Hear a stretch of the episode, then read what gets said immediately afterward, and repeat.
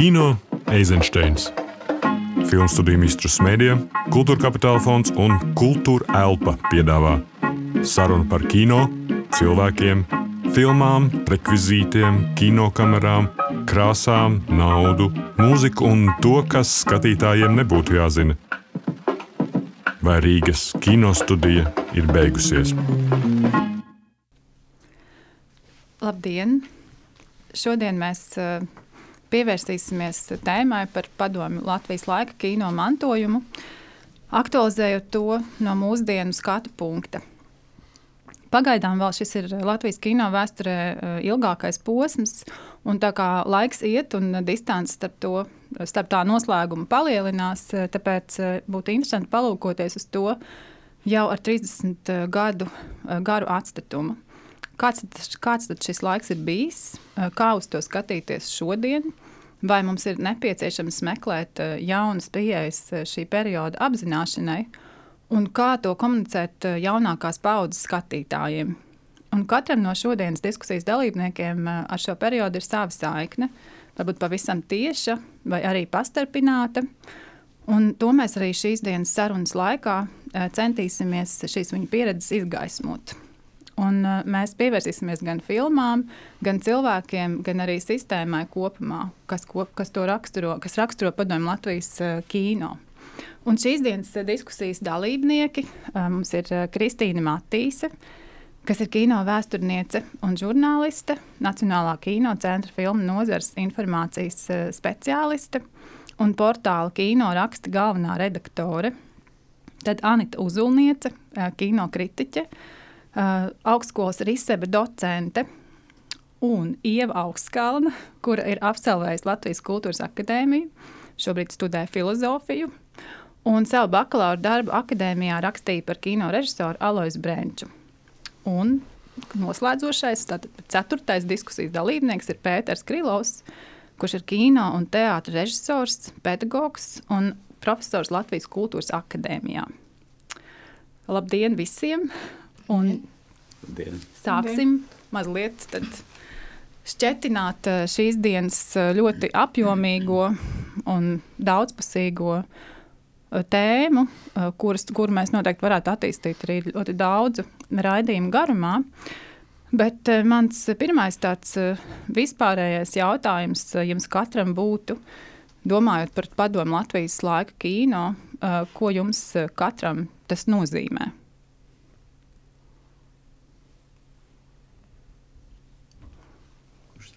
Jā, kurš sāk? Pēters, varbūt, ja uzdod jautājumu, kurš sāk, tad jā, Pēters sāk. Jā, es teikšu ļoti subjektīvu spriedumu. Nu, man tas nozīmē, protams, pirmkārt, manu jaunību, profesijas izvēli un uh, pirmo apjēgu, kas šī profesija, kino režija tāda ir un ko nozīmē kino. Patiesībā tās diezgan bāzes zināšanas par mm, kino mākslu, ieskaitot arī pat studijas Maskavas kino institūtā. Un man jāsaka, ka neskatoties, ja arī tiesa neskatoties uz to, cik ļoti lielu nozīmi kino mākslā piešķir padomu iekārta kā tāda propagandas ierocis un, un, un nu, iedarbību uz cilvēkiem, tad tomēr padomu kino bija ārkārtīgi spēcīga parādība radošā profesionālā ziņā, kuru patiesībā sakot pārspļaut, man liekas, arī šobrīd, nevien pat arī Krievijas kino kā tāds šobrīd, uh, nav pārspļāvis savā potenciālā, savā jaudā un savā nozīmīgumā. Un tā, tāda man atbildība. Es, es varētu turpināt. Es gaidīju, ka tu teiksi pieteikumā, ka to tajā vārdu savienojumā padomu Latvijas tāds smagnējs un it kā tagad liekas tāds piedalzības akmens gandrīz vai, bet mēs tieši, mums bija tas tā, tā nepieciešamie vajadzība tieši šī laika kino vēsturi rakstīt, padomu Latvijas kino vēsturi līdz 85. gadam un tiešām mēs esam to skatījušies un pētījuši un, un, un, un teiksim, es ne, ne no vienas rindiņas, ko mēs toreiz uzrakstījām, ne, nekautrējos šodien. Un tad es iepazinu, tad, kad 60. gadi, ar ko tas sākās, nu, protams, bija arī božās, kāds Latvijas Elmās Rieksniņš rakstītos tās ievadu nodeļas vēl, vēl, vēl vecāks paudzes cilvēks, bet, bet tad, kad es iesāku pie tā strādāt 60 gadus, protams, es nebiju pat kinoteātros redzējis, toreiz skolā gāju, bet tās visas vēlākās filmas mēs tiešām arī, arī redzējām, redzējām arī kāda reakcija bija un piedzīvojām arī to, kuras drīkst pieminēt tajā vēsturē toreiz, kas iznāca 89. gadā, kurš nedrīkst pieminēt. Tā, tā ir mana man arī, nu, kā saka, dzīve, nu, man biogrāfija šī padomu laika kino vēsture. Un, un kas man liekas ārkārtīgi svarīgi tajos laikos, gan, bija tā kino studija, gan, bija films, gan arī, bija tā atgriezeniskā saita, manuprāt, pat aktīvāk nekā tagad, ka tiešām cilvēkiem šķita, ka katru jaunu filmu jāiet skatīties, un ja tu, ne, ja tu neesi to redzējis, nevar vispār komunicēt ar kaut kādu savu loku, ka tu vispār gan izvai neskaities. Man liekas, tā aktīva atgriezeniskā saita bija ļoti svarīga tajos laikos. Kristīna. Man ir tā. Uh, divas dažādas attiecības ar padomu laiku kino, jo no vienas puses uh, mums uh, ģimenē ir pieņemts teikt, ka mēs ar brāli piedzimām kino studijā, jo mums tēvs un māte tur strādāja, un vēlāk arī vecais tēvs un, un vēl daudzi radi. Uh, Tā kā no nu vienas puses es tur esmu izaugusi, un mēs vispār citu profesiju nepazinām. Es studiju laikā biju pilnīgi pārliecināta, ka es iešu atpakaļ uz kinostudiju strādāt par mākslinieci filmās, bet kamēr es studēju, tikmēr tur viss sabruka un vairs nebija kur iet atpakaļ.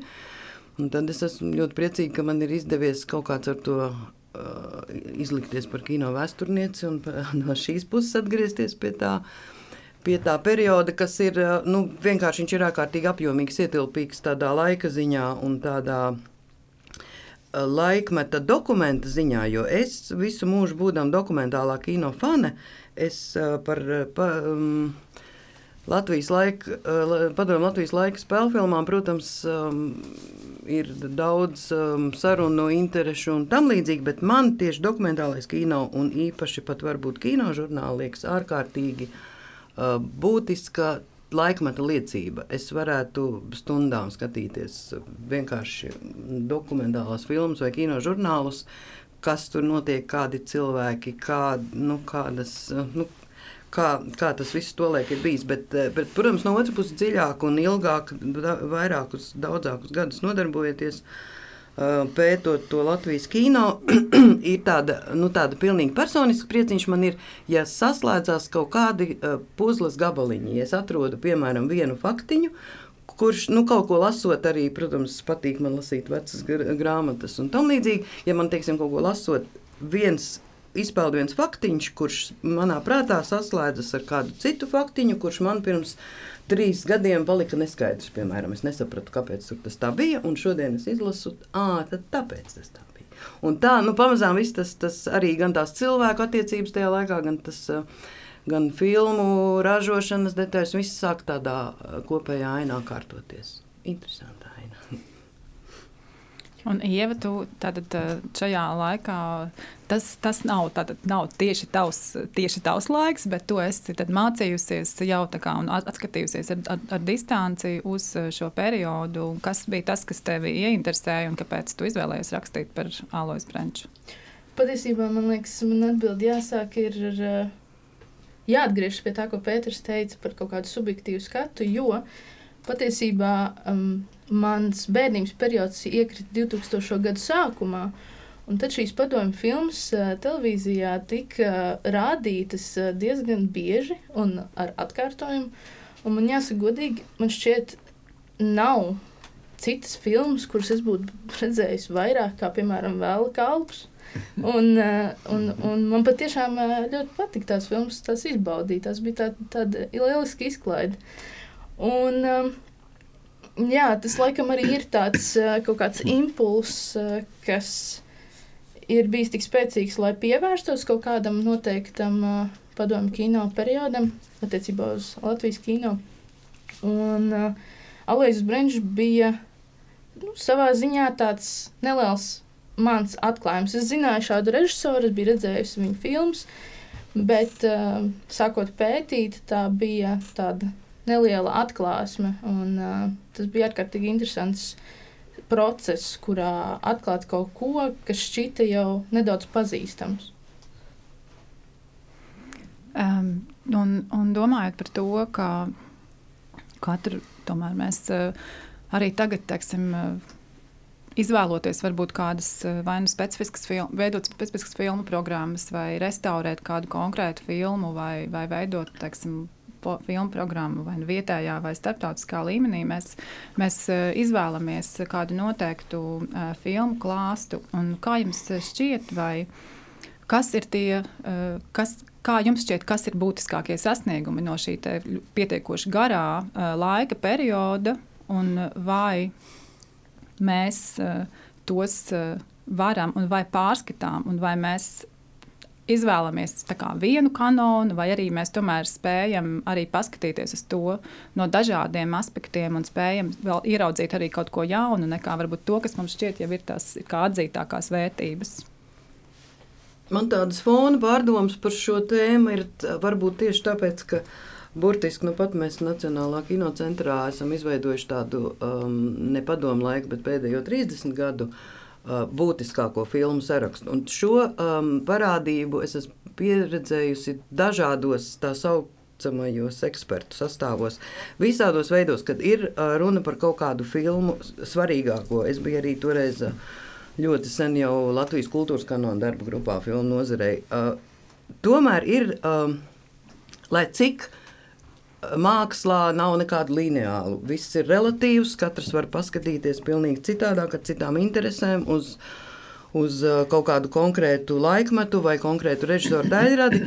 Tik un tā, ja, ja mēģina nu, teiksim, tāda um, kuratora darbs, tāda programma veidošana jau ir apmēram tas pats. Ka, ka, nu, ka, ka kaut kādu cilvēku viedokļi sanāk kopā par to, kas būtu svarīgs un kas būtu jāparāda šobrīd. Ja tieši tas ir kriterijs svarīgākās filmas, nu, tematiski atlases tas cits kaut kas. Tad, uh, tad tomēr kaut kā sagadās, ka tie. Uh, cilvēki tomēr domā pietiekami līdzīgi. Es atceros, tajā Latvijas kultūras kanālā darba grupā bija pieci absolūti dažādi cilvēki, no Valentīnas Freemanas līdz Uldim Tīronam. Un, uh, un mums bija no tām 12 filmām, kas iekļuva sarakstā, bija trīs filmas, kuras bija pilnīgi visiem pieciem sarakstos. Nu, tā tad nu, ir kaut kādas lietas, un arī šobrīd, teiksim, cik. Um, uh, nu, Tik un tā veidojot, to jau mēdz uz visādām kino jubilejām darīt, veidot visādus labāko, svarīgāko filmu sarakstus. Nu, tomēr tas tur nav tā, ka tie viedokļi būtu ārkārtīgi izmētāti un nebūtu iespējams uztaisīt kopīgu sarakstu. Kaut kā viņš tomēr sastājas. Nu, tā tad uh, es vienmēr šajos brīžos nodomāju, ka, ka tomēr, uh, lai cik tas jucīgi izklausās, ir kaut kādi objektīvi kriteriji, acīm redzot, kas visiem, vai mēs visi esam vienkārši vienādi mācīti vērtēt to kino, varbūt jāatnāk svaigam skatam un jāizceļ kaut kas pilnīgi cits. Un Anita, kā tev šķiet? Es gribētu piebilst pie tā, ko Kristīna teica pirmajā reizē, ka interesanti, ka vēl jaunāki cilvēki par īvu, kas tagad studē, man studenti, piemēram, man bija liels gandarījums, man tikko kā bija ieskaite, prezentācija, kur viņi bija izvēlējušās no Kristīnas grāmatas vecās labās un tiešām latviešu filmas ar puiku un vēl cits, kas man arī liekas, puika, kas ļoti pārdzīvāk, man liekas, nav tajā kanonā Kristīna, kas man liekas ne, ne, ne, netaisnīgi. Jā, bet, bet, un arī es pat esmu veidojis Vācijā tādu 18 stundu garu kino programmu, tur sākot ar Aivaru Fremeņu un Ivars Lets krastu un ar puiku, un tajos gados jauna bija Askots Sālīts un Jānis Putniņš, viņi, viņi to laika films. Tā kā es domāju, ka Nu, es jau Zanē teicu, ka man liels gandarījums par to programmu, kas Somijā tikko bija, ka Rīgas poetiskā skola, kas ir mans pētījuma objekts savā laikā bija, un ka, ka tieši tās cilvēks skatās un novērtē. Tā kā es domāju, ka tas, ka arī laika tilti uzņemtā filma, kas tieši šos periodus, šo periodu 60. gadu atkušanu periodu un šos um, Baltijas um, režisors, autors izceļ un, un pasauli, teiksim, uzzina par viņiem un, un gūst, viņi gūst atzinību. Tas ir mums arī studentiem mācot to pašu franču jauno vilnu, protams, arī ar, ar mūsu, ne, tikai, kas zināms, dēļ, dēļ piedalīšanās Kānu festivālā četri balti krekli, bet arī Ābols upē un, un citas filmas. Alojas Breņķis, zinu, vai tev ir, piemēram, tā viņa mana Rīga savā laikā, tās pilnīgi mm. liekas, nu, tā tāda Breņķa ret, ko šis vispār pazīst, jā, ar, ar Viktoru Lorenzu kopā. Un tā kā, jā, tiešām poetiskā kino pirmie soļi patiesībā patiesībā ļoti daudz kas interesants. Un,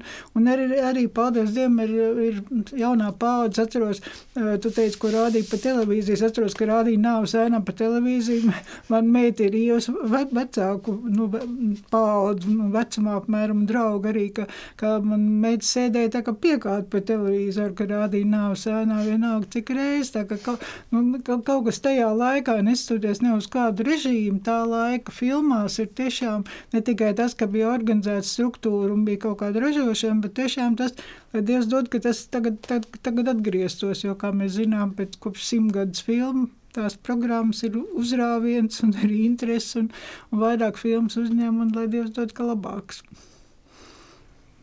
Un, Pēter, kā tu vērtē, teiksim, kas ir bijuši varbūt tādā, nu, teiksim, arī spēļu filmu jomā, teiksim, būtiskākie tavuprāt sasniegumi šajā laikā? Un es baidos aizrunāties par garu, bet man par to laiku ir ļoti eh, daudz, nu, arī sakarā to, kā, kā pedagogam, ja man kaut kad jāeksponē studentiem, teiksim, tā pagātne, par ko viņi neko nezina, diezgan maz ir redzējuši, tad eh, es esmu pārdomājis visu tos padomu laika kino no visādiem aspektiem. Man tur visvairāk interesē tā kino mākslas estētikas uh, attīstība, nu, droši vien viņi ir attīstījusies, jau izmaiņas. Un tad man, piemēram, liekas ļoti interesants periods ir pirms um, latviešu, latviešu kino, latviešu mākslas uzplaukuma. Tad, kad uh, Rīgā strādāja tie saucamie viesrežisori un notika tāda, tāda influenceri, kā tagad teikt, ja, kas iespaidojuši latviešu kino, bet viņi bija ļoti augstvērtīgi un viņi pat, pat pēc uzvārdiem ir augstvērtīgi. Jūlijas Raizmans un, tas pats Armans un Lūk, Lūk Kins, ja, ja es pareizi atceros. Ja, un, un arī nevajag aizmirst, ka Rīgā bija nosodīts, izsūtīts Boris Barnets. Strādāja kādu laiku kinostudijā, kurš vispār ir viens no interesantākiem, neparastākiem padomju Krievijas režisoriem pirms kara laikā. Un viņi radīja kaut kā tādu dīvainu estētiku, kas ir uh, nu, vai nu iespaidojas, vai katrā ziņā nu, tādu labu, dziļu pēdu atstājis. Nu, kaut arī pieņemsim to pašu filmu, kā Gulbi, Balti padebeši iet, viņi ir ārkārtīgi interesanti, nu, tāda vizuālā, un arī Salma pavasarī nav nevainas, kaut gan viņi tur ir, nu, kā saka, tādā kā to sauc, kooperācijā radusies. Bet es piedzīvoju, paldies Dievam, es atnācu uz kinostudiju tajā zelta uzplaukuma laikā. Es atnācu strādāt kinostudijā 1968. gadā. Un, jā, 68. gadā. Un tad bija tieši nu, visspožākais laiks, jo tur sākās tas tā saucamais gan poetiskais kino dokumentālajā cehā, toreiz teica, ja, gan arī mm, ļoti interesants uh, spēļu filmas. Tur radās gan Rolanda Kalniņa ievērojamākās filmas, tur radās uh, jaunais streičs, sākumā arī Erika Lācis un pēc tam jau atsevišķi veidojās. Tur bija ļoti interesanti. Tas realisms, kas tapa tajā laikā, un tā attieksme pret dzīvi, viņam bija. Eh, nu, viņa bija, protams, kontekstā ar padomju visu kino, bet viņa nebija kā pakaļskrējēja, bet viņa bija viena no, no avangardā. Ja, teiksim. Kaut gan Rīgas kinostudijā tieši spēļu filmās vienmēr prevalēja tā drusku merkantīvs stils. Viņa nebija poetiskums, tur nepārāk atšķirībā no dokumentālā kino tika veicināts. Un kaut vai tas par to liecina, ka no, no Rīgas Rīgas eh, kinostudijas tā laika filmām vispopulārākā, visapbalvotākā un viszināmākā pasaules no kino viedokļa ir eh, viesrežisora Bogina filma divi, par kuru Latvijā tā vienmēr nu, ah, nu jā, nu ir tāda filma, bet nu, tas ir Bogins, tur, tur par viņu visādas nelāgas leģendas tur stāstīja, ko tur vēl. Bet viņa kā filma bija ekscelenta filma. Viņa tiešām darīja godu kinostudijai un, un visam tam, bet tas neatstāja dziļu iespēju. Tur drīzāk, drīzāk uz kino stilu atstāja iespēju kaut kāds realisms, padomu kino uzplaukušais un diezgan labs, tāds augstvērtīgs realisms, kas bija gan Maskavā, gan sevišķi Pētera Ļeņingrads studijā tika nu, piekopts, izkopts. Un man, protams, tas laiks likās nu, no kino viedokļa ļoti potenciāli bagāts. Un tad parādījās jau arī Tarkovska filmas, tas parādījās tur kas tika vēl nees, tagad viss nenosaukšu. Nu, tas viss iespaidoja, un tas radīja kino mākslu kā ļoti nozīmīgu mākslu. Ja? Es domāju, ka tajā laikā Latvijā kino māksla bija viena no nozīmīgākajām mākslām. Kaut gan, protams, tāda nacionāli orientēta estēti nu, to neatzina. Tur viņi teica, ka tas vienmēr ir Maskavas pirksts, Maskavas ietekme, atskaitīšanās Maskavā un tā tālāk, kas, protams, arī nu, bija. Tā, bet, bet, bet tomēr viņi bija ārkārtīgi nozīmīgi. Un es domāju, to, ko, par ko Ieva ir rakstījusi par Alojas Brenču, ka Alojas ir izdarījis vienu ļoti lielu pakalpojumu tieši kino mākslā tādā ziņā, ka viņš ievies, nu, protams, caur krimināliem sižetiem, caur iespēju kritizēt cilvēku dzīvi nu, no noziedzīgā aspekta. Ja, bet viņš ieviesa to, nu, to naturālo, to īsto dzīvi, ja, kā cilvēks dzīvo. Un tad, ja, ja kāds grib ieraudzīt kā latvieši padomju laikā dzīvoja Rīga, dzīvoja latvieši, tad viņiem jāskatās Brenča uh, detektīvu filmas, jo tur kaut kādas uzplaiksnījumi par to ir. Daudzās citās filmās uh, tas nav. Nu, par to uh, pretestību, kas varbūt bija, kas arī, protams, bija sevišķi dokumentālajā kino jūtama, tas poetiskais, bet es tomēr, es to vienmēr kā tādu paradoxālu faktu, bet es to vienmēr ne, neaizmirstu izstāstīt studentiem, ka uh, vienīgā filma, ko es zinu un ko es pieredzēju, ka viņa tika, nu, tas bija manā, manā jau esamībā kinostudijā laikā, kur lika nomazgātiem, nodedzināt, nomazgāt, noskalot, tā bija Alvēs Brenča sporta žurnāls, stāsts par um, um, sprinteris Renāts Lāci miršanu, nu, burtiski par miršanu, jo viņš viņu sāka filmēt, kad viņi ieguva medaļu Tokijas olimpiādē, sudraba, man liekas. Un dopinga ietekmi dēļ viņš saslima ar vēzi un miera nost. Un viņš uztaisīja filmu, kurā tas, šis process bija konfrontēts uzvaras ar to miršanu. Un tad šī filma ārkārtīgi realistisks, bet tam pat tā nebija filma, ne sporta žurnāls. Tas bija nu, viņa bija iznīc, tika e, pakļauta iznīcināšanai, bet tur turbestu viņa saglabāja, tāpēc mums viņa vēl ir pieejama tagad. Tā kā lūk, arī attiecības ar to cenzūru bija tomēr šāds, ja, tā, es nezinu, varbūt Kristīna zina vēl kādu filmu, kur lika tā nomazgāt skarbi, lai viņi nepastāv nākotnē. Sukuts kaut ko runāja Sukut, par savām jā. tām apareli vai kaut ko tam līdzīgu. Jā, nu, iespējams, jā, tas, jā, bet nu, tā tomēr tāda, tāda, tāda blakus, ne tad. Bet tas ir, lūk, un tāpēc man liekas, ka no estētikas viedokļa tas ir, ir ļoti interesants laiks un, un ļoti tiešām tāds, nu, impresijas par padomu laiku ir ļoti bagāts, par ko, diemžēl, uh, tagad nestāst. Un, starp citu, tas varbūt ir skrien uz priekšu, bet lai šodien cilvēki varētu labāk izprast uh, kino mākslu, padomu laiku kino mākslu, viņi ir absolūti nesagatavoti, jo uh, viņi skatās filmas kā tādu atsevišķu artefaktu un pilnīgi bez konteksta, bez kaut kādas saprašanas, un šo šo tūkstnesi, šo nu, konceptuālo tūkstnesi rada diezgan stulba, muļķīga un noziedzīga ignorance pret šo padomu laiku periodu pētīšanu no visiem aspektiem. Mēs neko nezinām par to laiku. Mēs pārtiekam no kaut kādām muļķīgām, tādiem feļetonu veidīgas literatūras un nu, pārskatu par to. Un līdz ar to nu, tu pasties filmu, un tev liekas, oh, kā ļoti dīvaini un kaut kā tāda, bet viņi ir procesā tajā laikā bija nenoliedzami tas process attīstījās ar, ar, ar, gan ar personībām, gan teiksim, pieša fenomens, eh, kurš eh, varbūt taisni tajā sākuma periodā bija viskrāšņākais, viskaistākais, un pēc tam pamazām gāja uz leju. Un eh, brīvība fenomens un, un streiču, protams, kurš estētiski ļoti daudzkārt mainījies un, un piemērojies tam, ko, kā viņš redz to pasauli.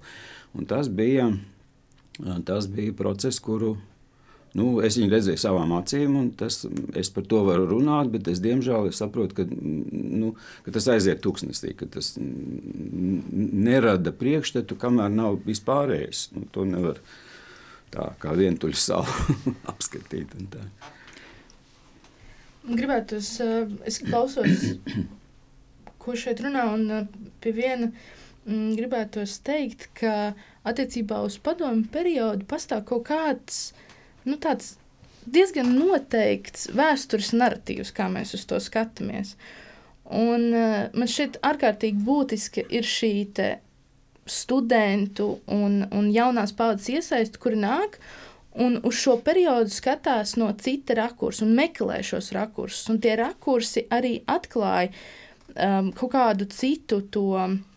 To procesu, ko Pēters minēja, jo nevar skatīt šīs filmas kā tādus atsevišķus, atsevišķi mm -hmm. nodalītus artefaktus, runājot Pētera vārdiem, bet, um, bet drīzāk kā procesu. Un arī tad, kad mēs domājam par kādu konkrētu režisoru, vai tas būtu Brenčs vai Piesis vai, vai vēl kāds cits, mēs, piemēram, arī attiecībā uz Brenču, es izmantošu šo piemēru, uh, mēs nevaram skatīties tikai uz šīm kriminālu filmām. Mums ir jāstāsta arī to, ko viņš dara dokumentālā kino laukā un, un visos citos. Vajag Jā, tieši tā. Un, un, taču, un tas taču ir tāds process. Mēs, tad, kad domājam par kādu režisoru filmogrāfiju, mēs to redzam kā procesu. Un es domāju, ka arī padomu kino kā fenomens ir jāskata kā nebeidzams process, kā tāda zirnekļu karte, kur visu laiku tikai paliek lielāka un sarežģītāka.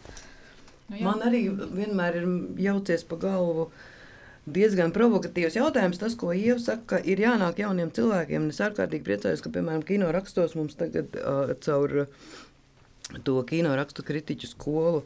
Uh, ienāk jauni cilvēki, kuriem mēs tieši izdomājām šo lūgumu un uzdevumu uh, paskatīties portālā Filmas LV, kur vismaz ir legāli pieejams uh, kaut kādas um, padomu laika filmas, un paskatīties ar savām acīm un uzrakstīt šodienas no pilnīgi no savas paudzes, no, nu, uh, neejot to iebraukāto sliedīti, jo um, diemžēl ar, ir jāatzīst, ka um, pašai tā ir gadījies, ka visās šajās kuratoru darīšanās nu, mums ir tomēr tā iestaigātā sliedīte. O, ja mums jārāda poetiskais kino, tad mēs rādām tātad uh, tur krasts, lomi, te Freimanis, te Seleckis, to mēs visu zinām, tas ir šīs komplektiņš. Ā, ja jums vajag vēl tur zināt par uh, spēļu filmu vēsturi, tad tur, jā, tad tur atkal šit, šitas komplektiņš, nu, ir, ir tās, tās uh, jau klasiskās aptveres, ar kurām strādā. Nu, protams, es teiktu, ka es nevarētu nekādā, nevienā nevienā padomu laika izlasē iztikt bez uh, uh, Herca Franka vecāks par desmit minūtēm. Tas tā kā Mona Līza izsvītrot no pasaules mākslas vēstures, es domāju. Bet, uh, Bet teiksim, nu, tās, tās mūsu paudzes un vecākas paudzes, tās iestaigātās atziņas ir jau diezgan garlaicīgas. No otras puses, protams, vajag, vajag pilināt, vajag, vajag visu laiku pilināt, jo tas, ka man, piemēram, liekas, ka ir nu, jau nezinu, cik desmitiem reižu rādīti baltie zvani, un tad es satieku cilvēku, kurš pirmo reizi par neko vispār nav dzirdējis par baltajiem zvaniem. Nu, skaidrs, ka ir veseli um, cilvēku slāņi, paudzes, um, vienalga burbuļi, kuri neko par to nezina. Skaidrs, ka vajag rādīt. Bet man ļoti pašai arvien interesantāk ir nevis iet šo parasto ceļu un, un likt tās pašas klasiskās izlases, bet sagaidīt, ka atnāk kāds cits un paskatās citādāk. Un tas, protams, prasa ārkārtīgi laiku, principā tas godīgi prasītu nosēdēt arhīvā un izskatīties cauri, piemēram, visu. Nu, tur es nezinu, bet desmit gadē jau tur vajag nenormāli daudz laika. Bet tas būtu ārkārtīgi interesants rezultāts, ja cilvēks ar jaunu un svaigu domāšanu izdarītu šo un varbūt izceltu mums pilnīgi citas interesantas lietas būtu nu, jā, aizraujoši. Liekas, ka, es domāju, ka tas ir ļoti arī svarīgs uh, aspekts. Jo man liekas, ka, ja mēs esam, nu, teiksim, ja, ja tu pati to dari jau kādu laiku, skaidrs, ka tev, ka tev vienā brīdī pietiek. Uh, visu laiku atlasīt vienu un to pašu, ka ir nepieciešamība pēc uh, kaut kā cita, bet tad ir jautājums, kurš vēl ir tas, kas tad ir, kur vēl ir tie teiksim, citi kuratori un kur vēl ir tās vietas, kur ar šo kurēto saturu strādāt. Vai Nē, nu, vienīgais, ir... kur es personiski glābjos, ir kaut kādas tematiskās izlases. Mm. Piemēram, nu, nav liels pasākums, bet divas Annas katru gadu nāk ar savu lūgumu, jautājumu. Lūdzu, mums šogad tāda tēma, vai mēs varam kaut ko pielasīt no latviešu kino. Tas arī ir ārkārtīgi interesants uzdevums. Paķer zobos tēmu, tur nezinu, vīrietis vai kosmos vai atnācēji un, un laidies vēsturē un atrodi kaut ko, kas tur būtu piekabināms apkārt. Bet tas ir citādāk. Bet es vienkārši, nu, jā, ka, ka Nu, jā, man liekas, ir svarīgi iziet ārpus, nu, tā kā, nu, jā, iziet ārpus ir kā tā, sliedēm, jā, tieši tā, kur jā. viss ir jau zināms. Un man liekas arī tas, ko Ieva minēja par to, ka, ka arī šī te, tā laika kā, kino karte savā ziņā kļūst arvien sarežģītāk, un viņa arī kļūst sarežģītāka, jo arī mainās jau arī, teiksim, teorijā pieejas un rodas arvien jauni, teiksim, gan virzieni, gan intereses, un man liekas diskusija, kas bija nesen par Gunāru Piesi kino rakstos, man liekas arī tieši bija ļoti interesants caur to, ka pēkšņi, kad uz viņu skatās ne tikai caur šo estētisko, nu, teksim, formālām un fil, fil, uz filmu kā tekstu, bet skatās arī uz viņa, uz viņa personību un kā tas ietekmē arī darbus, kādus viņš veido. Bet tā kā Pēters jau nedaudz arī pieskārās šim cenzūras aspektam, varbūt Anita, tu varētu mazliet arī pakomentēt, teiksim, arī Aivars Freimans. Viņa, nu, viņa dokumentālās filmas 60. Eh, gados bija arī tās starp, starp, starp tām, kuras, kuras eh, arī piedzīvoja tādus eh, tomēr, nu, cenzūras klātbūtni. Varbūt tu vari arī mazliet to, šo te, jā, šo, šim jautājumam pieskarties. Ne, nu, Vēsturiski zināms, tēvs bija laikam tā, ko, ko, ko neizlaida. Un, un vēl kādu, bet es saku, Pāvila Frēmana gribēja vēl kaut ko citu teikt. Es domāju, ļoti interesants ceļš būtu, teiksim, Aivara Frēmana attīstība caur dokumentālistiku līdz, līdz, līdz, līdz spēļu filmām, līdz puikam, līdz dzīvīt. Man, piemēram, šķiet, ir nenovērtēt kaut kādu filmu, to tagad mm, skatīties un skatīties. Un vēl viens veids, kā es, piemēram, mēģinu ar to strādāt, labi, tas mans studentu lokus nav tik plašs, bet paralēli rādīt ar to, kas, kas tajā, tajā laikā citās zemēs ir noticis. Jāatzīst, tas pat ļoti vēl atklāja, ka, ka tas slavenais vecāks par desmit minūtēm, ka principā ir trifo 400 citienos. Es nezinu, vai, vai Franks un Pudnieks to bija redzējuši tajā laikā. Es, es nesaku, ka viņi kaut kādā veidā būtu plaģiāti, bet katrā ziņā tas ir bijis gaisā un ļoti daudz kaut kādas lietas. Uh, Markesa filmas, tur labi zinām ieteikumi baltiem, baltiem zvaniem no sarkanā balona un, un daudz kas tāds, tāds, kas pasaulē ir. Un, man liekas, tas ļoti ieinteresē arī jauns cilvēks. Viņi tiešām nu, priecājās to atklāt un vēl kaut ko papildus skatīties. Un, un man liekas, ka Frēmaņa no nu, ar visu to, ka, ka viņa krasts un loma un viss tas ir tajā katrā komplektā, bet es domāju, ka tā viņa transformācija, tā arī caur ābolu upē, ka tā nemaz na, netiek tik plaši kaut kur pētīt un, un tā pasniegt. Man liekas, tas tāds auglīgs, auglīgs piemērs būtu. Tāpēc, kā Aivars Fremants ienākot spēļu filmu kolektīvā, vienkārši dumpīgas runas laiku. Viņš teica, ka priekš kam ir vajadzīgs tik milzīgas grupas un priekš kam ir vajadzīgs scenārijs filmai, spēļu filmai. Un mākslas padomē visiem. Dāvs īmanā aizgāju no filmēt. Mākslas padomē visiem atcerās stāvus no tādām dumpīgām runām. Nu labi, tas tāds īvaciņš. Jā, bet tur tas, ko Anita teica par to, par to pētīšanu un kontekstiem, tas ir tas, ka, piemēram, es, kad taisīju filmu, dokumentālo filmu par Gustavu Kluci, es uh, izpētot uh, gan kluču pašu mantojumu, gan mākslu, tajā laikā arī kino mākslu 20. gados Krievijā. Es sapratu, ka Ulda Brauna ceļš ir ļoti atkarīgs no tā stila, no tā konstruktīvisma, no tā modernisma arī kino mākslā, ka viņa visi celtnieki un, un, un kā tur bija strādnieks un kas tur viņam tos celtni, celtni jā, ka tās visi ļoti iespaidojušās no tās filmas, bet zinot, ar ko Klucis sāk un ar ko viņš beidza ar tiem absolūti plikiem, eh, vien, vientiesīgiem politiskiem plakātiem, slavinošiem tur padomju varu un Ļeņinu un Staļinu un tā tālāk, tad, eh, tad Brauns, Brauna attīstība ir ārkārtīgi interesanti, jo, jo tajā slavenajā 230 miljonu seju viņš staigā faktiski uz šo žanra robežas. Viņš tikpat labi varētu pārkrist tādās Riefenštals nu, pusītē jau kļūst par propagandas mākslinieku. Gan drīz jau tas arī notiek tajā filmā, bet tomēr tā vizuālā kaut kāda kultūra un pieejams, un varbūt arī faktiski, patiesībā sakot, nu, tā narācija, ko viņi lieto tajā filmā, ka viņi uzvar to un pataisa viņu cilvēciskāku. Un arī par Freimanu pieņemsim. Mēs arī domājam par to, ka interesanti pētīt 60. gados tieši Frančija jaunais vilnis. Caur Trifo filmām it sevišķi ieviesa pilnīgi jaunu pieejamību narratīvam. Trifo ļoti bieži lieto uh, voiceover no autora, voiceover, kas pasaka to, ko nevar kino pastāstīt, ja priekš kam tur lieto daudz mm, kino lēns, jau var to pateikt ar vārdiem.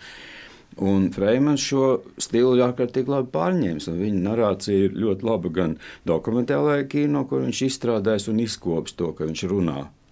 Runā un saka to, ko viņš domā, un tur ir kaut kāds savs stils, un tad viņš pārnes viņu no spēļu filmām. Izdara to, labi, kas tas viņam nāca pašam no iekšas, nevis no trifo, jo viņš nāca no žurnālistiem. Varbūt viņš labāk prata nu, izteikties ar nu, vārdu. Jāsaka, visi nāca. Franks nāca no žurnālistiem, un Freimans ne, nāca, Franks vistur. nāca no fotogrāfu žurnālistiem, nu, Freimans no rakstošiem. Jā, jā, nu, jā, nu labi, jā. Vārda mākslinieks. Tur jau viss blakus viņi tur bija. Jā, jā. bet, eh, jā, bet tā, un šie visi tie konteksti, viņi tur tā kā ļoti sasaucās. Nu, tajā pašā reizē, pieņemsim, tas pats poetiskais kino padomu laikā, sevišķi Staļina laikā, jau, jau sevišķi Krievijā, tas poetiskums tika piekops absolūti tādā trulā propagandas izskatā, un visi tie baltie zvani vai lietuviešiem bija Kā bija tā pasaka, filma Meitene pie jūras, Meitene un jūra, vai kā viņiem bija tāda ļoti slavena filma par tādu, tādu absolūti tādu, nu, tādu gandrīz vai Exipērī stilistikā. Viņi šīs filmas lauza to padomju, to, nu, caur bērniņiem, un, un puķītēm un, un, un, un kustonīšiem, jā, radīt kaut kādu pseido pastorālu idili lai nu, kaut kādā veidā apkalpotu propagandu, tad viņi šo pašus, gan izvērst tos pašus varoņus, to pašu meitenīti un tos pašus puķītus, ja, izmantoja pavisam citiem nolūkiem. Un tā attīstība ir ārkārtīgi interesanta. Kā, kā teiksim, paņem Staļina laika tās, nu, tās filmas, kurās ir idile, ja, padomu idile, un kā viņi pārvēršas un kā viņi rada latviešu poetisko dokumentālo kino, kurš ir ļoti, domāju, ļoti liela pateicība parādā tieši šai mutācijas spēkam. Ja, ka, nu, ka kaut kas tajā padomju kino mutēja un pārvērtās par to, par ko viņš pārvērtās. Un, protams, arī, arī, arī kaut kāda zemtekstu lieta. Man drusku, es, es atzīstu, ka tā stoņa un, un, un briedas filma laika tilti ir, ir ļoti jauka filma. Tiešām ļoti jauna un viss tur tā. Bet man ir drusku žēl, ka viņš šo pašu tēmu nav izmantojis, tai e, atklāt to, kā tas poetiskais kino bija zināmā mērā pretestība padomu ideoloģijai. Tieši par to, ka rādīja, rādīja kaut ko tādu, ko, nu, kāpēc viņi nevarētu rādīt dokumentālās kino vai atvērts it kā visam, bet tieši tā atlase, stils un narācija, kaut kādā veidā viņi bija tā kā tāda opozicionāra padomju mākslas maģistrālē. Ja? Un tas arī radīja to spriedzi ap to poetisko kino. Neviens nezināja, ko ar viņu izdarīt. Teiksim, tāpēc arī spieto visi kritiķi Rīgā par to, ko darīt. It kā tur semināri un, un visādi simpoziji bija par to, ka, kā to atbalstīt un veicināt, bet tā pašā reizē, lai turētu kontroli vai ne, lai tur nepieļautu kaut kādas nu, kaut kādas invāzijas kaut kur pavisam citur. Un tā. un tas ir viss, ir, nu, tie ir tādi baigi spēcīgie procesi, kas ir notikuši. Protams, ka nu, Tagad jau nu ir pavisam, mēs esam informācijas vakumā un, un neredz, neredz, neredzam ne lietuviešu, ne igauņu filmas. Bet tajā laikā tomēr bija tāda salīdzināšanās bija starp Lietuvas kinostudiju, Tālinu filmu kā viņi tur ko viņi dara, un bija atšķirība. Ja, un, lai Rīgas kinostudija, cik viņa nebūtu spēcīga un, un, un mo, ļoti tāda motorīga, mobila studija, bet estētiskā ziņā bija gan lietuviešu prioritāte kaut kur, gan arī igauņu, varbūt tieši, tieši spēļu filmā, sižetiskajā ziņā.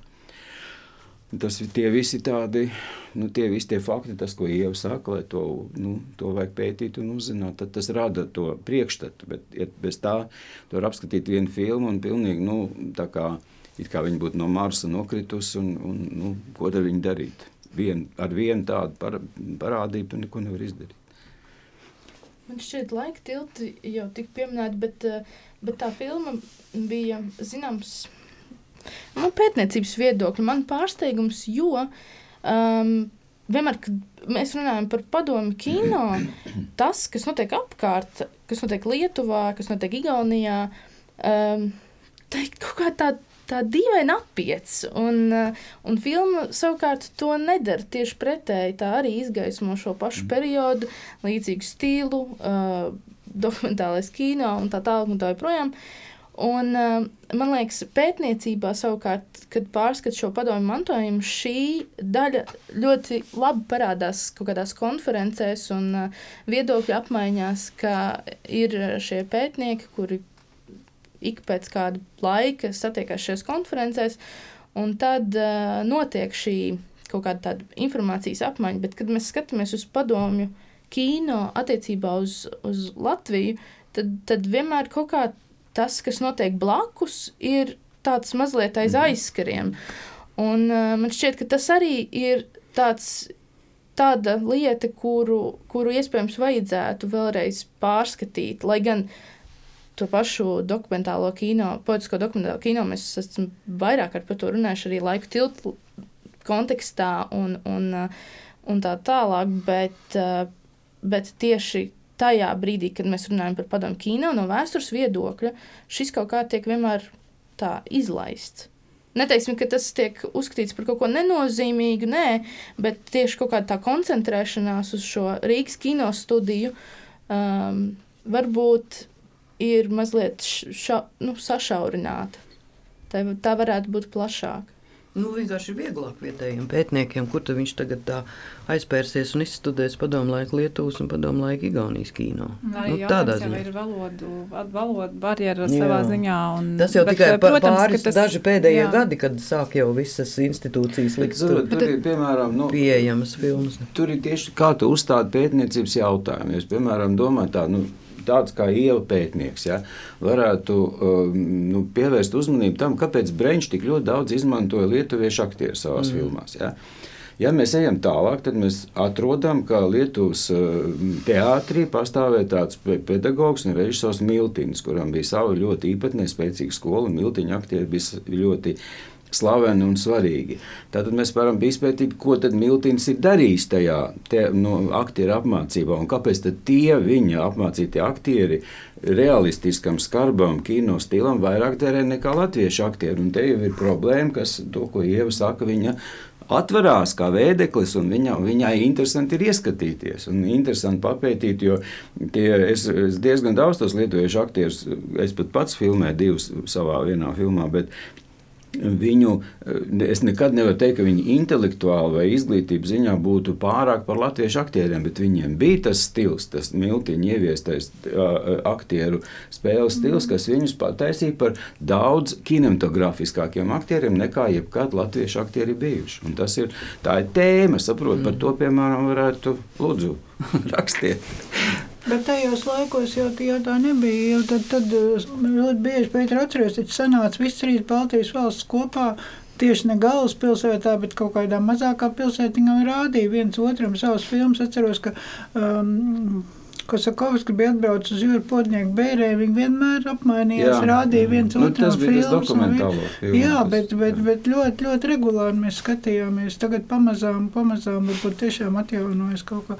Bet es domāju, ja kāds gribētu to tieši pētīt, tad jau nebūtu nebūt problēma. Tās, tās, tam liekas, tās filmas viss ir lietuvieši, igauņi ar, ar angļu titriem, un to, to jau var izdarīt. Es jau gribēju par Ulu Braunu pieminēt, Pēter, ko tu teici, ka izaugsmu tādu un tādu, bet es domāju, ka Braunam arī ne tikai salīdzinot ar klūču, un, un stilistisku un estētisku, bet arī uh, ideoloģisku. Taču, tas nav paradoks. Viņš 235 miljoni labi tur ir tā armijas parāda, bet tur ir tas kongress, kurā pēju sēž un met sev kaut kāds zirnīšs tur. Jā, vienmēr sakot, ka viņš arī uz tiem kongresiem, uz visu to, kā to, vispār man liekas, tas ir paradoks, ka divas jubilejas filmas, gada reportāža un 235 miljoni, kur, nu, kur, kur vēl kaut ko ideoloģiskāk uzņemt tik cilvēcīgi, ja, ka tās interesē cilvēkiem līdz šai baltā dienai. Es vispār skatoties 235 miljonus, es sapratu, ka tie ir Salecka filmēti kadri.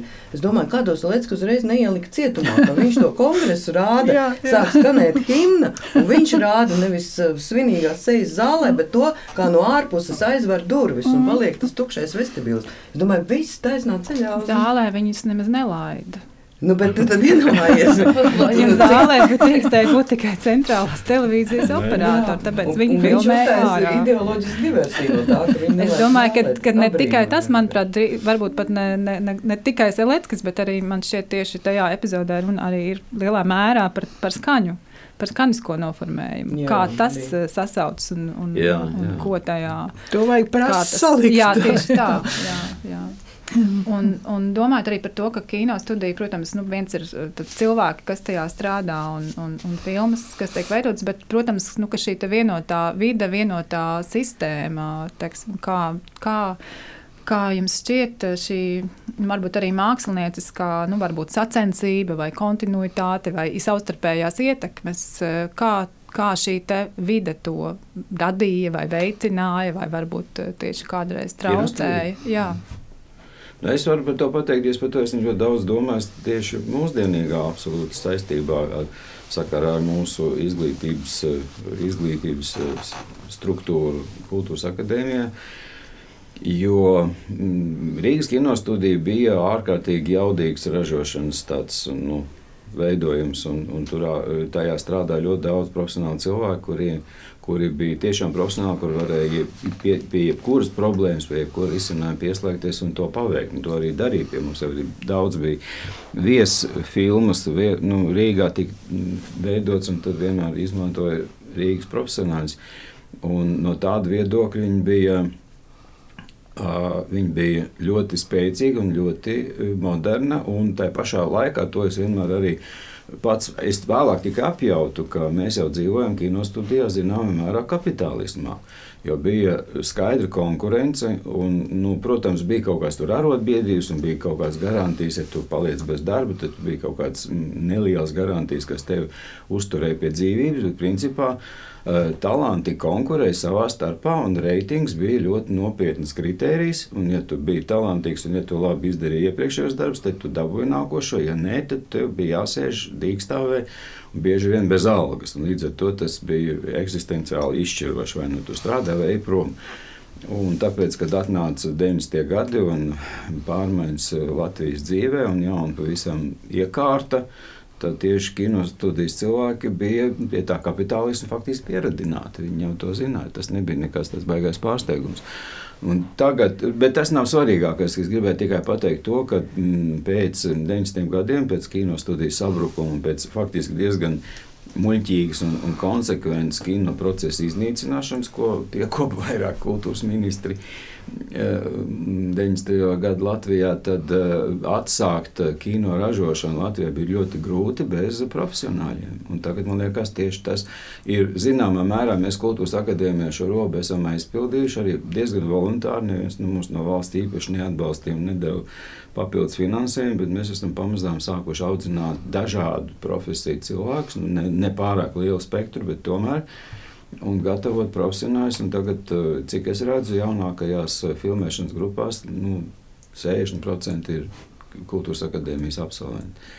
Un ir, tas ir tas, kas ir eh, nu, kārtīgam kino procesam, pat arī mazā valstī ļoti nepieciešams. Ir jābūt tam profesionālam kodolam, uz kuru tu vari vienmēr paļauties. Viņš ir jāveicina, viņš ir arī jāstimulē, jāatbalsta, lai viņi vienmēr varētu attīstīties, bet lai viņi būtu. Ja tev vajag kaut ko ļoti sarežģītu uzfilmēt, tad tev vajag tikai pamest acis. Uh, nu, te patās blakus un uh, atlasīt cilvēku, kas tev dara. Un tāda ir. Un tas Rīgas kino studija tieši ar to bija, man liekas, pat varbūt visperfektākā padomu savienībā.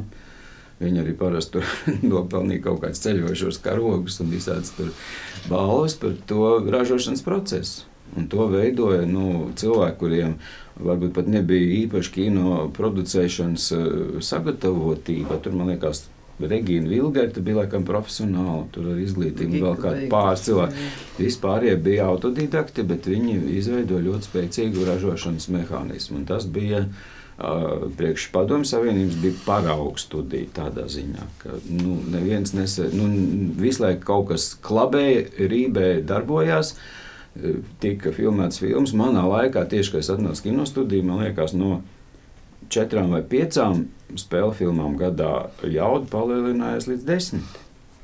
Kaut kādā 70. gadu vidū jau 10, 12 spēļu filmu. Jā, nē, tā ir ražošanas lieta, bet man liekas, no tā vidas jautājuma, nu, tāds ļoti klasisks, bet, eh, bet ārkārtīgi svarīgs uh, ir tas. Uh, nu, tā konkurence. Man vienreiz, ja. kā Žēņa Paškevičs teica, ka tad, kad viņš ienāca kinostudijā 70. gadu vidū, viņš saka, ka tu gaitenī nospļauties nevarēja, lai ģēnijam netrāpītu. Bet tas ir, nu, pirmkārt, tas, ka vienkārši nu, fiziski šī fabrika ir šeit un viņi visi strādā mm šeit. Bet tā, tas vispār pieņemtais princips, ka tu ar katru savu uh, uzfilmēto materiālu tu nāc un rādi visiem. Un tu, nu, pirmkārt, tu nedrīkst krist kaunā. Nu, tu nevari uzfilmēt kaut ko nožēlojamu, smieklīgu, jo uzreiz visiem būs skaidrs, ka tu nevel, nevelc. Un, un no otras puses, tu arī redzi, ko citi dara, un tev ir kaut kāda latiņa acu priekšā. Tur, nu, saprot, jo tajā brīdī, kad uh, sajuka um, nu, izira Latvijas kino mazās uh, viena cilvēka studijās 90. gados, uh, tad uh, tas bija ārkārtīgi īpaši redzams, ka, nu, ja cilvēks viens pats ar savu materiālu kuļās, viņš pats ir scenārists, sev režisors un producents. Un pats sevi mīļiņo, visu laiku uzskata par ģēniju, tad tur jau viņš jau tajā savā mazajā katliņā arī tikai vērās. Un, ja viņš nedabū ielaist tos, tad viņš kolēģiem to parāda tikai pirmizrādē, kad kurš tev teiks, ko sliktu, jo tu viņam vīnu esi uzlicis salējas glāzēs. Nu, tā ir pilnīgi jau izvirsta tā, tā, tā konkurences jēdziens, vienkārši pazūd, kas ir ārkārtīgi svarīgs. Tāpēc man ļoti patīk, ka, teiksim, cik es saprotu, vidusfilmu studija jau no pašiem pirmsākumiem, ka tur bija tieši tas process, ka, ka visu uzfilmēto visi apspriež un visiem, nu, tā sakot, viss tiek. Kristīne, es tikko lasīju lekciju, man speciāli uzaicināja maģistru studentiem par castingu procesu, un tad es salīdzināju tos filmu ak aktieru proves, ja aktieru mēģinājums, pareizāk būtu teikt, ja, aktieru mēģinājums padomu laika Rīgas kinostudijā, to, kas nu, tagad notiek tas castings, nu, tas ir tā kā diena pret nakti, jo šobrīd castings ir stulbs ļoti paviršs un ļoti netālredzīgs process, kurā tie, kas to veids, viņi mm, absolūti nedomā tālredzīgi, nu, ko tas dos un vai viņi tiešām filmē kaut ko labu tur izpildīt.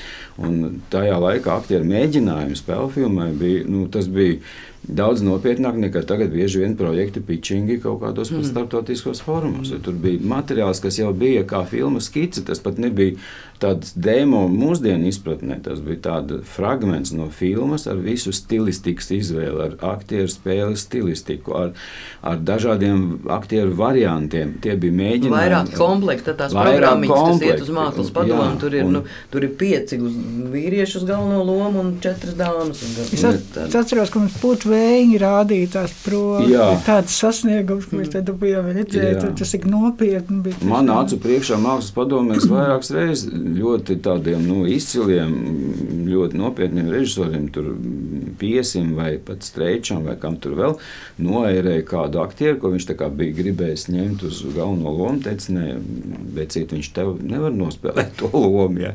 Nu, labi, tur bieži vien bija kaut kāds arī merkantīls aprēķins, bet katrā ziņā šīs aktieru mēģinājums bija eksāmens, kas bija jānoliek pirms tu ej ražošanā.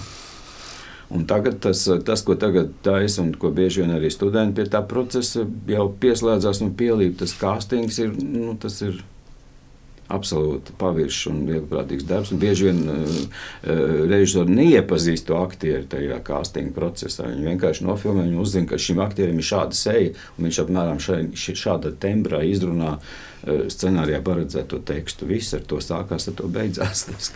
Bet vai jūs kaut kādā mērā tagad, teiksim, mācot režisoriem kultūras akadēmijā? cenšaties? Eh, Jā, mēs ieviesām jau pirms nu, gadiem, nezinu, cik astoņiem, varbūt mazāk, bet es ieviesu, man ir speciāls tāds vingrinājums, mācību vingrinājums, saucās kastings. Kur režisors paņem vienalga kaut kādus divus aktierus, izvēlās vienalga, vai tas ir viņa scenārijs vai vienkārši laba epizode, kur viņš varētu varbūt teorētiski filmēt kā filmu. Un viņš filmē šo castingu, viņš filmē gan aktierus atsevišķi, gan pats sevi. Un tad mēs skatāmies bieži vien stundu garu materiālu, kurā mēs redzam, ko režisors aktierim saka, vai tas, ko viņš viņam saka, der tam aktierim, vai viņš aktieris no tā izmainās un dara labāk. Un tad nu, šīs vingrinājums pieradina pie tā, ka nu, jau Haidī jāstrādā, jāmāk strādāt, jāmāk padarīt savu vēlmi E, formulētu, zināmu un panākt, lai aktieris to uztver. Un tas ir tāds speciāls vingrinājums, ko mēs tagad darām. Bet tas, protams, lielo procesu, kas patreiz nu, Latvijas filmās notiek, tas maz iespaido. Jo, jo ir aģentūras, castinga aģentūras, ir cilvēki, kas uzņemas par to atbildību un atnes kaut kādu gatavu tādu komplektiņu, lūdzu, strādājiet. Tas ļoti nenopietni ir. Šajā kontekstā tas varbūt nav mūsu sarunas kontekstā, bet nu, pat uh, Tallinas festivālā es pēkšņi saņēmu relīzi, ka ir pirmo reizi casting režisors dabūjis balvu. Nu, vispār vērtēšanas kategorija par starp profesionālajām casting režisors. Nu, kā, kā aizmirst, nezinu, kurai filmē tur. Un, un tā jau ieskanējās arī tēma par uh, kino kritiku. Man jautājums arī Anitai. Uh, tā kā tad, kad nu, tu ienāci un sāki rakstīt 70. gados arī par, par, par latviešu filmām, un arī tagad reizēm šķiet, arī kā Kristīna jau pieminēja, ka ka, ka, ka šī saikne var būt starp kinokritiķiem. Un, tā kā kinokritiķu ir maz, un arī visi ir savstarpēji saistīti un pazīstami, kā tad par ko uzrakstīt un kāpēc tam sadzīvot eh, tālāk, bet kā tas bija tajā laikā, un, un vai tas, eh, kā kinokritiķi vai tik tik, kā viņi tika uztverti. Un arī tagad, gatavojot tavu, tu, tad, kad tev iznāca šī gada sākumā uh, grāmata, mans kino un, uh, un laiks, pārskatot tā laika recenzijas, vai, vai, vai ir kaut kas, varbūt, ko tu, ko tu kas tev. Par ko tu varbūt biji piemirsusi, par kādām filmām, kas tev likās svarīgas tajā laikā, un kā laikam ejot, vai ir kaut kāda tāda, tāds skatījums tev uz, uz šo te uz savu, tad, kā kino kritiķis uh, gaitām tajā laikā. Tu domā tā, vai, vai, vai es kaut ko nožēloju, ja, vai es savādāk? nu, nožēloju tādu, tā es gluži nedomāju, bet es domāju, varbūt ir kaut kas, nu, ka tev no šīs dienas skatoties, Jā. liekas, varbūt kaut kas ir savādāk, un tu tagad domā savādāk. Nu, kā tas ir, kad tu atskaties arī uz to savu Nē, nu, ir, darbu? Ir ar vien, vienu gadījumu ļoti slikti. Es pārlasīju pēcērs sanāca, kad Astrīds Kairiši aizgāja. Es domāju, jo kādī, kas man zina, es tajā recenzijā salīdzinu ar romānu. Es domāju, kas man zina salīdzināt ar romānu, jo Regīna ezerā ir nu, saka, skarbāka fil, filma, Brasels un Celinka filma ir, ir nu, sentimentālāk, ja tā, tā var teikt. Lai gan tagad es skatos, un, protams, viss tas aizkustina, es tagad droši vien to, to nebūtu teikusi, tur kaut kas pa kairišu blūzītēm un kaut kas, ko varbūt šodien čā. Bet, bet tā, nu, labi, pat, nu, pirmkārt, pa kādu filmu te uzaicināju, jau ne, nebija redakcijā štatā, ja man tas kultūras nodeļas vadītājs uzaicināja, jo man tā filma, es nekad neesmu rakstījis par kaut ko tādu, kas man liekas slikta vai kur man grib gribās kaut kā izpausties, kaut ko nozākāt, nekad neesmu rakstījis.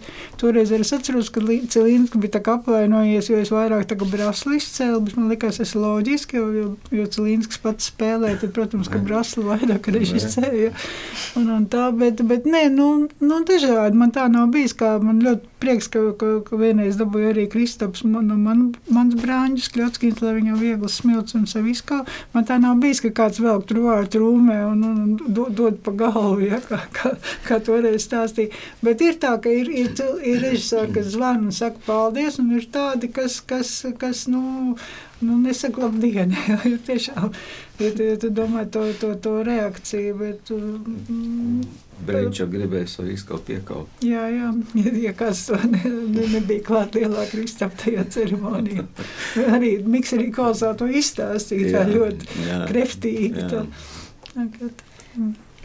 Man šķiet, eh, kaut kā daļai atgriežoties pie tā iepriekšējā jautājuma par cenzūru un par um, padomu periodu, un atkal man jāatsaucas uz to, ko Pēters teica par šo te uh, um, kaut kādu konkurenci.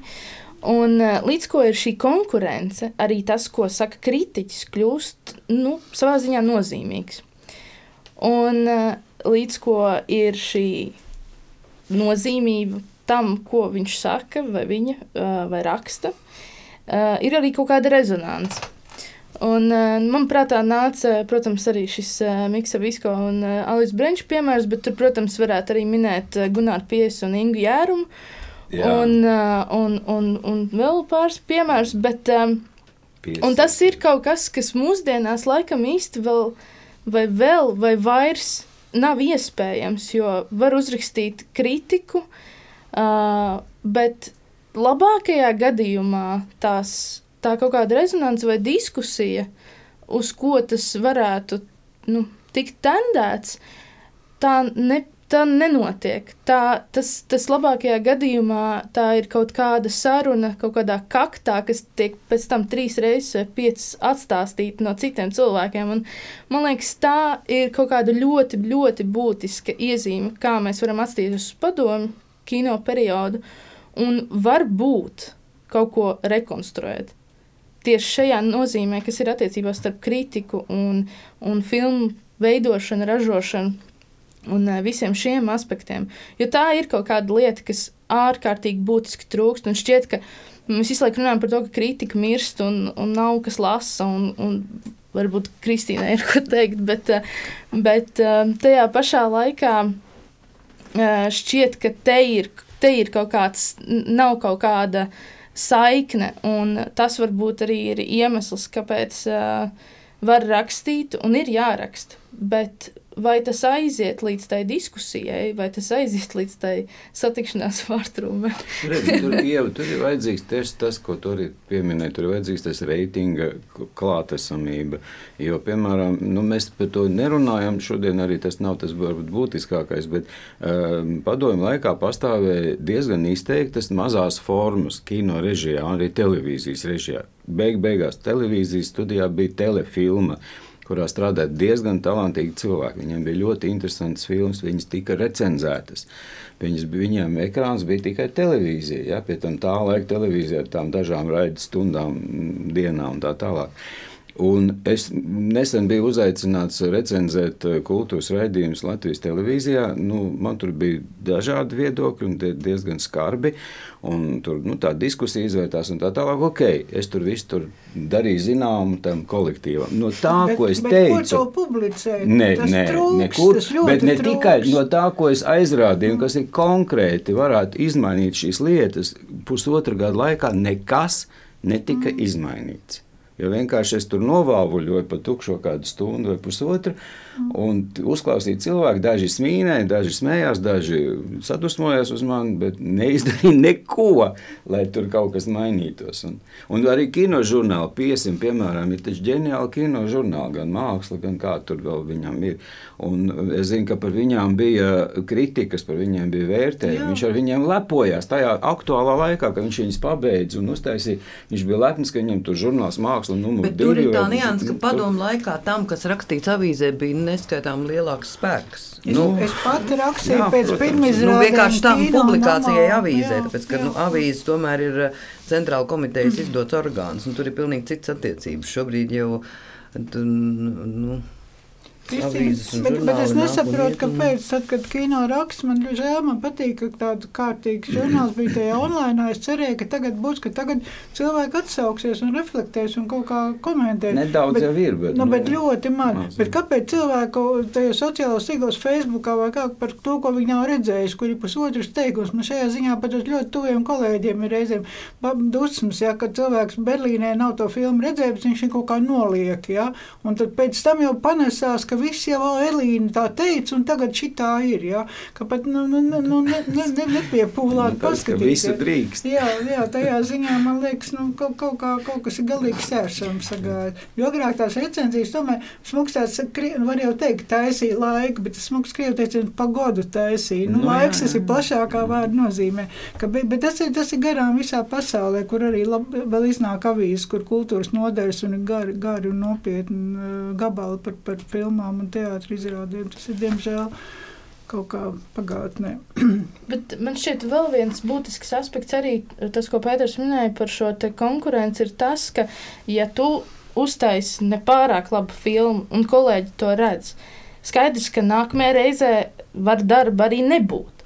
Savukārt šajā situācijā, kurā mēs dzīvojam šodien, viss, man šķiet, visi raugās uz to, ka ai, nu šis pāries, nāks nākamais projekts, mm. nāks nākamie, nākamās problēmas un nākamās recenzijas, un tad mēs atkal pārdzīvosim un iesim tālāk. Nē, nu, un tā laikam ir kaut kāda nu, tāda dīvaina situācija. Nē, mūsdienās ir liekas, daudz vairāk tiek ievērots eh, nu, skatītāju daudzums.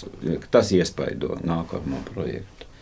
Tie, kas māk uztaisīt nu, kasīgāku filmu, tad tie tiek vairāk respektēta nākotnē. Nu, tā. Nu, mēdījā tajā jau projektā, ko tu iesniedz, tur jau vajag tas galvenais rādītājs, ir cik ir mm. skatījušies. Un, un, ja mēs paskatāmies, piemēram, arī atpakaļ uz padomu laiku, uz tām, kā Pēters saka, kastīgākajām filmām, jā, tad jā. mēs redzam, protams, ka nu, teiksim, no 70. gadiem līdz 90. nu, tās. Uh, pelnošāk, nu, tās visvairāk skatītākās, protams, eh, bija gan vēla kalpi, gan eh, vēla kalpi, vēla dzirnavās un vēl arī teiksim, gaisma tuneļa galā.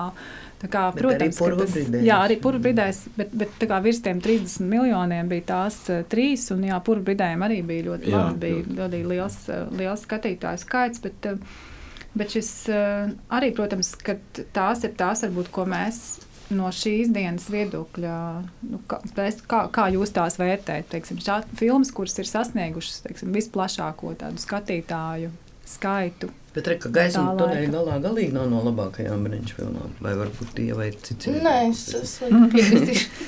Jā, bet... Um, Nē, es nezinu, ko tur var baigi secināt. Nu, principā nevienos laikos nav. Tas nav ne mehāniski, ne automātiski garantēts, ka kā milzīgs skatītāju skaits nozīmē, ka viņi visi skrien uz labu filmu. Bet tas, protams, paldies Dievam, nenozīmē arī to, ka, ka daudz skatītāju iet tikai uz sliktām filmām. Tāpēc nu, es jau līdz mūža galam nepārstāšu brīnīties par latviešu kino skatītāju attiecībām ar Melānijas kroniku, kur es biju pilnīgā pārsteigumā. Cilvēki labi zinot, ka tā būs ārprātīgi drūma, smaga filma un, un vēl mm. melnbalta, kā saka Laila Pagaldiņa par savējām. Un tik un tā, ka, ka viņi turpat blakus un turpat blakus iznāk svingeri un viņi vienalga var nu, visu laiku tajā skatītāju skaitā iet kaut kādā nu, līdzvērtībā. Tā ir tematiska atsauce, kas ir ļoti būtiska, mm. jo, jo viņa tomēr izpildīja to vakumu, aizpildīja, kas bija par šo tēmu. Tāpēc arī. Un, Kristīna, tagad, teiksim, arī atlasot un, uh, portālam Filmas LV un arī teiksim, citiem varbūt pasākumiem, uh, programmas, kurās ir padomu laika filmas, uh, vai tev ir kādi novērojumi par to, kas ir tas, kas vairāk interesē skatītājus, kuras filmas vairāk skatās? Mēs, uh, mēs tādus, uh, ne, es neteiktu, ka mēs veicam ārkārtīgi rūpīgu skatītāju uzskaitīšanu, teiksim, jau par portālu filmu LV runā. Mēs to skaitām nu, tādā mērā, ka uh, cik ir jāmaksā akai par autortiesībām, ja, Uh, jo, ne, protams, ir tādas iepriekš paredzamās lietas, teiksim, ja taistos um, uh, Līgo svētku festivālu, tiešsaistes festivāls visā pasaulē. Tas skaidrs, ka tur limuzīnas Jāņa nakts krāsā ir pirmajā vietā, bet ļoti brīnišķīgi um, biju priecīga tajā gadā, kad mēs šajā Līgo svētku festivālā ielikām Alisas Zariņas blakus, tad šī filma pārspēja limuzīna popularitāti. Tā kā, tas jau arī tā kā no reizes. Nu, gan drīz ar tām populārākajām filmām, principā, tur visu laiku sprīdītas ir topā, tur ir visu laiku cilvēku bērns topā. Protams, ka tur ir apmēram tās pašas liedītas, kas ir tas, ko es teicu par tām nu, kuratoru veidotām programmām, ka ja tev kaut kāds, nu, tas pirmais līmenis, kas skaidrs, ka tā, tās sarunas tēmas un tās filmas ir apmēram vienas un tās pašas, bet, uh, protams, tādā.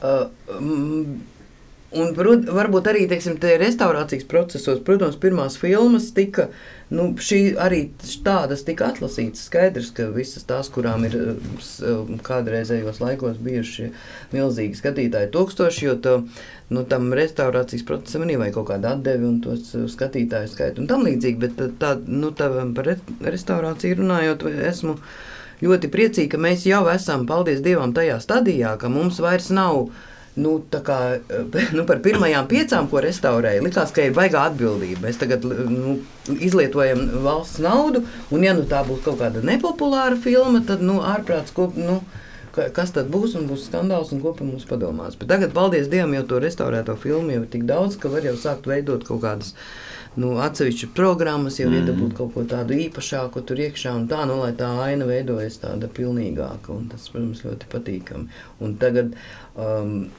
nu, gan bēdīgos gadījumos, kad ir kādi aizgājēji, gan um, jubileja gadījumos, portālā Filmas LV jau gan, gan digitalizēto, gan restaurēto filmu ir jau tik daudz, ka mēs ļoti ātri varam Mārtiņam Braunam kolekciju mēs divās dienās uztaisījām. Nu, protams, ar, ar arhīvu palīdzību vēl ātri šo to svarīgu piedigitalizējot, bet skaidrs, ka tas uh, jau veidojas tas lauks. Un tas ir, man liekas, arī ārkārtīgi svarīgi tieši šai uh, gan tai jaunai paudzei, par ko mēs te runājam, gan vis, nu, visiem šīs sarunas aspektiem ir ārkārtīgi svarīgi.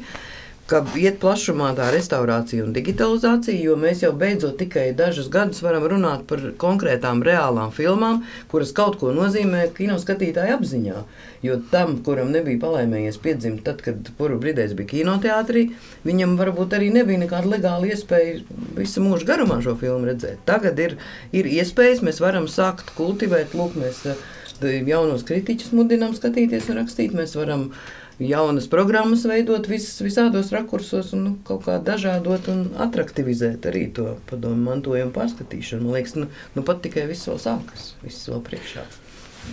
Nu jā, bet par tādām sociālām tēmām runājot, vispār patiesībā sakot, dokumentālajā kino pieņemsim uzminēt to skatītāju piekrišanu vai nepiekrišanu.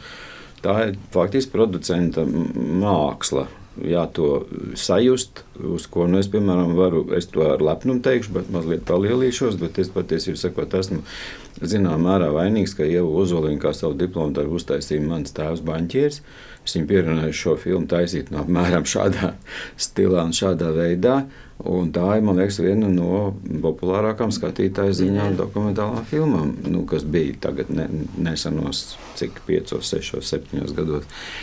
Tā tālāk, bet tur ir, tur ir tā producenta māka un padomu. Ja mēs atgriežamies pie padomu laika, tad tur, man liekas, tieši kronikas direktori vairāki, kas bija ļoti gudri, ļoti sakarīgi. Un, nu, tur arī redakcija, protams, vai kas veidoja filmas, kas viņas virzīja. Nu, kaut vai salēc, ka sociālās filmas viņš viss gāja uz urā. Tur gan Valmieras meitenes, gan kā tur bija. Ja, tur Sievietes, kur, gaida. kur gaida un tā tālāk. Ja, tur, Viņas bija īstā laikā, īstais nu, rakurs. Rindas stāvēja pie Jā, jā, jā, kino. un tas ir, tur ir, tā ir producenta lieta, kas kurai jāmāk un kur, kur ir nu, jātīst. Man liekas, ka tas Latvijā tas eh, simtsgadus filmu konkurss diezgan daudz izdarīja labu pakalpojumu, ka viņš atvēra slūžas, atvēra iespējas, deva, deva daudz iespējas un arī parādīja tos veiksmes ceļus vairākus pie tam tur da, ļoti dažādas. Tas, man liekas, ir nu, tas, tas produktīvākais. Man atjaunoja skatītāju interesi. Tas, Jā, man liekas, ir šausmīgi būtiski. Nu, es nezinu, es jau Kristīnai es teicu, ka vajag par to simts gadu konkursu izdot speciālu rakstu krājumu vai atmiņu krājumu, bet nu, es eh, to es gan skaidri varu. Es ceru, ka tas nav nekāds valsts noslēpums, ka Dītai rietumē pirms visa tā procesa, tad, kad tikai iesākās visi tie konkursi un tur sākās nu, vispār šo filmu atlase un naudas piešķiršana un tie ārprātīgākie miljoni tika iedalīti, ja, tad Dītai rietumē ministra kabinetā pateica pilnīgi skaidri, nu, ja nebūs skatītāji, tad aizmirstiet nekādu vispār miljonu, es Latvijas kino nekad nepiedzīvos. Tas bija izšķirošs brīdis, un tas, nu, tur arī Jā, un tā kā tas, mēs jau vairāk kārt esam eh, ap, apgājuši un at- atgriezušies un vēl atkal aktualizējam jautājumu par to, kā tad ar šo te padomu laika mantojumu strādāt šodien. Man, man varbūt tādi vēl tikai pāris uh, noslēdzoši. Jautājumi, piemēram, arī viens no tiem eh, Pēterim eh, arī par to, kā teiksim, tagad strādājot ar studentiem, vai varbūt ir kāds no, kā, vai nu kāds no filmām, vai kāds no režisoriem, teiksim, kuru darbus eh, nu, tu aicini skatīties studentiem tieši teiksim, tajā, nu, domājot par darbu, aktieru darbu vai darbu ar aktieri no, nu, no no kādiem varbūt padomu laika režisoriem, kas tev šķiet eh, Nu, tas ir- iznāk jau maz, bet es esmu rādījis fragmentus no filmām, tieši kā, nu, lai komentētu kaut kādu aktieru. Uh, aktieru, izmantošu aktieru, nu, teiksim, kā saka, piemērošanos lomai. Vis, vis, man jāsaka, ka visvairāk es esmu rādījis Rolanda Kalniņa filmas no, no, no padomu perioda, tieši tur, kur ir veiksmīgi, manuprāt, veiksmīgi aktieru darbi. Eh, Un arī, kur ir tādā nu, īstā, tādā simtprocentīgā aktieru mākslas izmantošanas, ne rakursā, jo, pieņemsim, Streičam filmās tomēr ļoti, viņš ļoti stilizē aktieru darbu. Viņam parasti tā stilizācijas moments ir tik liels, ka tas neapliecina ne aktieru talantu, ne arī iespēju jebkuram citam šādā veidā strādāt. Tas ir streičisms un, un, un only. Un tā, bet, um, Nu, jā, bet patiesībā sakot, to nekad nevar. Ne, arī es esmu rādījis kādreiz dokumentālās filmas, un kaut ko ar komentāriem par, nu, par konceptuālu uh, ceļa meklēšanu, par ko tur vēl. Bet es esmu jau to sen pārbaudījis, ka nekad to nevar rādīt vienkārši kā, nu, te jums ir filma, te jums ir paraugs, te jums ir kaut kāds, nu, skatieties un mācieties.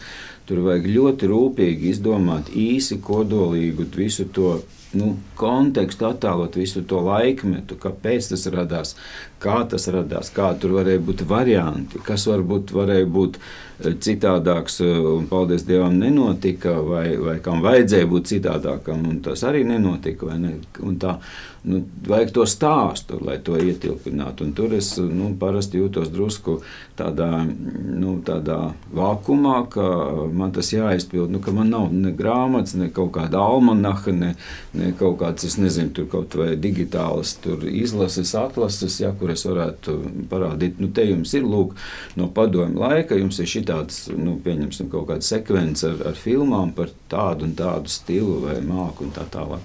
Tas viss ir vienmēr nu, tāds, jāsaka, uh, handmade ja, darbs. Tā kā tu ņem un nu, izdari, pastāsti un, un čau. Tad tas arī nu, šī brīdī tas ir. Nākošā gadā tas viss no nulles jāsāk darīt.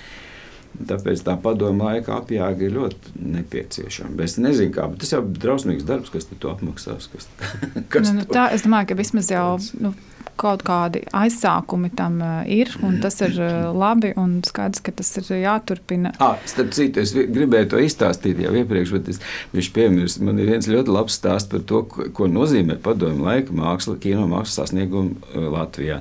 Man bija sakarā filmu spēles Latvijā, man bija ļoti gara intervija ar vienu KGB darbinieku, augstranga KGB darbinieku, kurš strādājis ir kā, arī kā spiegs, arī kā kā nu, aģents eh, vēstniecībās, padomju vēstniecībās ārzemēs.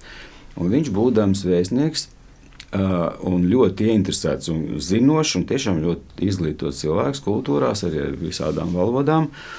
Ap, apgādāts viņš eh, esot rādījis latviešu filmas nu, attiecīgās valsts pārstāvjiem, pat laikam vienreiz Berlīnē viņš bija rādījis filmas, kaut kāds festivāls bija vai kas, kad redzējuši tur gan Lelušu, gan Gadārs, laikam pat skatījies, un ko viņš ir speciāli aicinājis tos cilvēkus, lai lielītos ar padomu laika spēles filmām Latvijā un saņēmis ļoti labus atzinīgus vārdus, un tās filmas pat laikam kaut kādā izpelnījušās, nu kaut kā tur, es nezinu, kāds viņi parādīs tālāk vai tā tālāk. Nu, lūk, es domāju, ka tas ir diezgan objektīvs skatījums. Es domāju, ka KGB aģents to nekad nedarītu tāpat vien. Tur bija zināmā mērā vērtības. Nu, tā kā Burovs stāstīja par savu uh, šito te. Pigmalions. Par šo filmu, kuru viņam ne, ne, neļāva rādīt. Nu, var sakot, šeit Rīgas kinostudijā un Latvijas teritorijā norakstīja kā māksliniecisku neveiksmi, bet rādīja visur starptautiskās auditorijās, lai parādītu, ka arī Latvijā un arī Padomju Savienībā ir avangarda māksla un kādā līmenī tā ir un tā. Un šeit viņi vienkārši atzina par pār, pār, pārspīlējumu. es domāju, šīs dienas sarunas noteikti tāds secinājums. Uh, par to, ka eh, mums ir ļoti svarīgi arī ne tik. Viens, protams, ir svarīgi rādīt, bet otrs ir ļoti svarīgi to kontekstualizēt un, un to spēt uh, ietērpt arī mūsdienīgos, gan teorētiskos ietveros, gan arī atrast varbūt ne tikai sekot šim ierastajam jau narratīvam, kāds mums ir par padomu laiku, bet meklēt arī tam jaunus, jaunus, ja, jaunus veidus, kā uz to skatīties.